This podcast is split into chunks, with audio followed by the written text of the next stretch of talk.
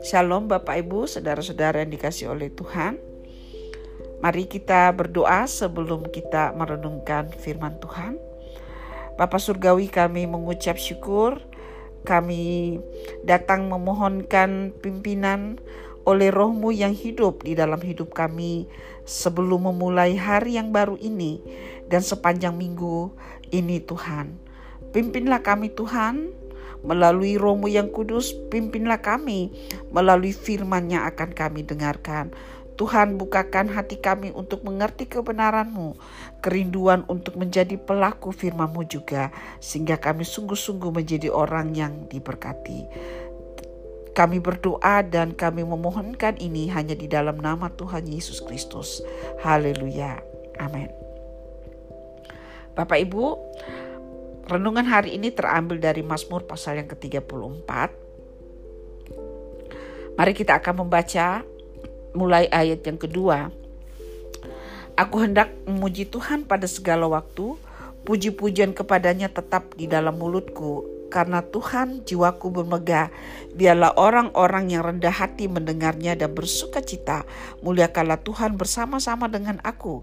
Marilah kita bersama-sama memasyurkan namanya. Kalau kita melihat sepintas, nampaknya Daud waktu menuliskan Mazmur ini dia sedang berbahagia, tidak ada masalah, semuanya berjalan baik-baik saja.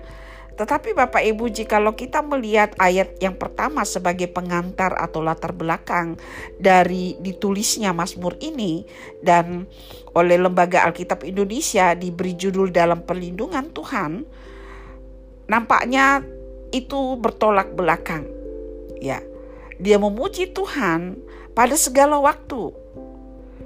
Tetapi di dalam ayat 1 Daud sedang tidak baik-baik saja. Ia adalah orang yang tersudutkan dari segala arah. Yang pertama dia menjadi buronan oleh karena dikejar-kejar oleh ayah mertuanya sendiri yaitu Raja da, Raja Saul yang menganggap bahwa Daud itu menjadi ancaman buat tahtanya sehingga dia berniat untuk membunuh. Dan berulang kali Daud harus melarikan diri dari kejaran Raja Saul. Dan kemudian di dalam satu peristiwa di dalam pelariannya dia uh, bergerak ke negara orang lain dan negara itu bukanlah negara yang bersahabat dengan kerajaan Israel dan Raja Daud benar-benar berada pada situasi tersudut. Dia nampaknya kehabisan akal bagaimana dia harus bisa meluputkan nyawanya dari bangsa yang membenci orang Israel kalau mereka tahu bahwa dia adalah orang Israel.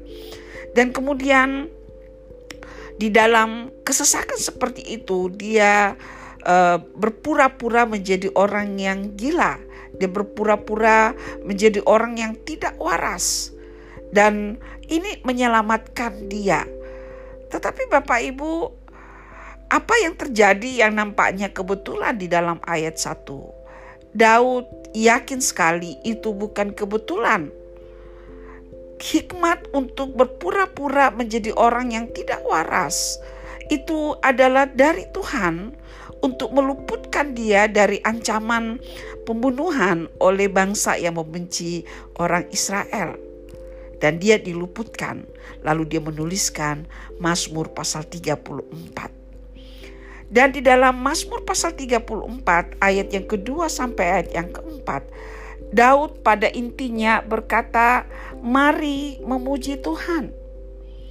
Dan mungkin kalau kita bisa mengganti judul yang ada di dalam teks ini, maka saya lebih suka memberikan judul kepada Mazmur ini, pujian di dalam segala keadaan. Daud mengatakan, "Aku hendak memuji Tuhan pada segala waktu." Pujian pujianku kepada Tuhan tidak dikondisikan oleh keadaan yang baik-baik saja. Tidak dikondisikan oleh situasi yang lancar. Tetapi dalam segala keadaan aku telah memutuskan untuk memuji Tuhan. Dan kemudian di dalam Tuhan jiwaku bermegah. Dan kemudian dia mengajak orang mengikuti apa yang dia lakukan. Mengapa Bapak Ibu? Mengapa Daud bisa memuji Tuhan pada segala waktu? Rahasianya ada di dalam ayat yang kedua B. Puji-pujian kepadanya tetap di dalam mulutku. Inilah yang menjadi rahasia mengapa Daud bisa memuji Tuhan di dalam segala keadaan, bahkan dalam keadaan yang tidak baik. Oleh karena puji-pujian itu ada di dalam hatinya. Puji-pujian itu tidak ada yang bisa mengambilnya. Dan puji-pujian itu muncul dari pengalaman-pengalaman yang telah lalu dan pengenalannya akan Tuhan. Sehingga dia sekali lagi kemudian menegaskan, aku akan memuji Tuhan pada segala waktu. Oleh karena pujian itu bukan dari luar, tetapi ada di dalam hatiku. Sekalipun nampaknya di luar penuh dengan kegelapan, namun di dalam hatiku terang benderang melihat kebaikan Tuhan. Apakah itu demikian? Kak kenyataannya Ya, Daud kemudian di dalam ayat yang kelima mengatakan, "Aku telah mencari Tuhan, lalu Ia menjawab aku dan melepaskan aku dari segala kegentaranku." Pertanyaannya adalah, apa betul Raja Daud dilepaskan di dalam kenapa dia harus menjadi buronan? Kenapa dia harus menjadi uh, berpura-pura menjadi orang gila di negeri asing? Kenapa Tuhan tidak membela dia secara langsung melawan Raja Saul? Lalu melindungi dia dan Raja Saul tidak bisa melihat dia. Tetapi kalau itu terjadi, maka bagian ini Bapak Ibu, saudara-saudara tidak akan muncul. Ayat 5, aku telah mencari Tuhan lalu ia menjawab aku dan melepaskan aku dari segala kegentaranku. Kadang-kadang Tuhan tidak melepaskan kita dari permasalahan. Supaya apa Bapak Ibu? Supaya kita menang atas persoalan itu. Supaya kita menang atas kesukaran itu. Apa sebenarnya persoalan utama di dalam masalah-masalah yang datang kepada kita? Atau ancaman-ancaman yang datang kepada kita? Masalah yang terbesar itu adalah hati kita kalau kita gentar, kita takut, maka kita tidak akan bisa melihat Tuhan. Kita tidak akan bisa mengucap syukur kepada Tuhan. Kita tidak akan bisa mendapatkan kekuatan dari Tuhan. Tetapi kalau di dalam situasi yang lebih buruk, yang menakutkan, yang di dalam kegelapan sekalipun, waktu kita mencari Tuhan, maka Tuhan akan membuat kita menang melepaskan kita dari ketakutan. Ada bagian firman Tuhan yang mengatakan, "Pada waktu engkau takut, maka lemahlah kekuatanmu, lenyaplah kekuatanmu." Pada waktu kita menjadi takut, kita takut, kita tidak bisa melihat kemungkinan-kemungkinan jalan-jalan Tuhan yang ajaib yang akan menolong kita. Namun waktu kita tidak takut, kita mempercayai Tuhan, maka kita akan dilepaskan dari kegentaran kita, dari ketakutan kita, sehingga kita bisa bangkit. Kita bisa melakukan sesuatu. Raja Daud berkata, "Rahasia untuk kita tidak menjadi takut adalah fokus kepada Tuhan dan bukan fokus kepada persoalan tujukanlah pandanganmu kepadanya. Ini yang disampaikan di dalam ayat 6. Rahasia kita tidak menjadi takut di dalam situasi yang sulit sekalipun, fokuslah kepada Tuhan dan bukan fokus kepada persoalan tersebut. Dan luar biasa sekali Bapak Ibu di dalam ayat yang ketujuh Dikatakan orang yang tertindas ini berseru dan Tuhan mendengar. Ia menyelamatkan dia dari segala kesesakannya. Orang yang tertindas ini adalah maksudnya Raja Daud sendiri. Dia berkata, aku orang yang tertindas. Tertindas dari segala arah. Tapi Tuhan mendengar tidak apa-apa. Ya, itu adalah pengharapanku satu-satunya. Sekalipun aku tertindas dari segala arah, selagi Tuhan masih mendengarkan aku, maka itu cukup bagi aku.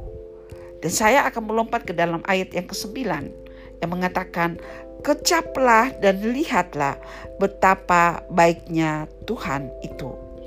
Bapak Ibu, pagi ini firman Tuhan datang kepada kita. Mungkin kita mirip-mirip situasinya dengan Raja Daud. Dan kita tidak bisa buka mulut kita untuk mengucap syukur, memuji Tuhan. Mari kita responi ajakan firman Tuhan melalui Raja Daud untuk memuji Tuhan, untuk membuka mulut kita, mengucapkan pujian, ucapan syukur kepada Tuhan di dalam situasi yang kita yang kita sedang hadapi. Dan ini yang menjadi jaminan ya bahwa pada waktu kita belajar mengucap syukur kepada Tuhan dalam segala keadaan, kita memuji Tuhan di dalam segala waktu, maka kita akan melihat betapa baiknya Tuhan itu. Haleluya, saya sungguh diberkati dengan bagian ini kecaplah dan lihatlah betapa baiknya Tuhan itu. Kebaikan Tuhan yang model seperti ini bukan didapat di dalam situasi yang baik-baik saja, di mana apa yang kita butuhkan dicukupkan. Kita tidak mengalami sakit, kita tidak mengalami penolakan, kita tidak mengalami hal-hal yang membuat kita patah arang, berputus asa kita bisa menghadapi semua itu. Lalu kemudian waktu kita berseru dan mencari Tuhan, kita melihat Tuhan dengan mata iman kita, mengharapkan pertolongan Tuhan. Maka kita bisa bersama-sama dengan Raja Daud mengatakan, "Kecaplah dan lihatlah betapa baiknya Tuhan itu." Lalu kemudian dia mengatakan, "Berbahagialah orang yang berlindung padanya. Pengharapan kita adalah berlindung kepada Tuhan. Ayat yang ke-10, takutlah akan Tuhan, hai orang-orang yang kudus, sebab tidak berkekurangan orang yang takut akan dia. Ini adalah kesaksian dari Raja Daud. Kita mungkin sedang mengalami kekurangan, tetapi kita tidak akan menjadikan alasan kekurangan kita untuk melakukan dosa kita harus tetap menghormati Tuhan di dalam segala keadaan. Singa-singa muda merana kelaparan, tetapi orang-orang yang mencari Tuhan tidak kekurangan sesuatu pun yang baik. Marilah anak-anak dengarkanlah aku. Takutlah akan Tuhan, akan kuajarkan kepadamu. Siapakah orang yang menyukai hidup, yang mengingini umur panjang untuk menikmati yang baik? Jagalah lidahmu terhadap yang jahat dan bibirmu terhadap ucapan-ucapan yang menipu. Raja, Raja Daud mengingatkan, jikalau engkau mengingini umur panjang, engkau bisa menikmati kehidupanmu. Maka jagalah lidahmu terhadap yang jahat dan bibirmu terhadap ucapan yang menipu.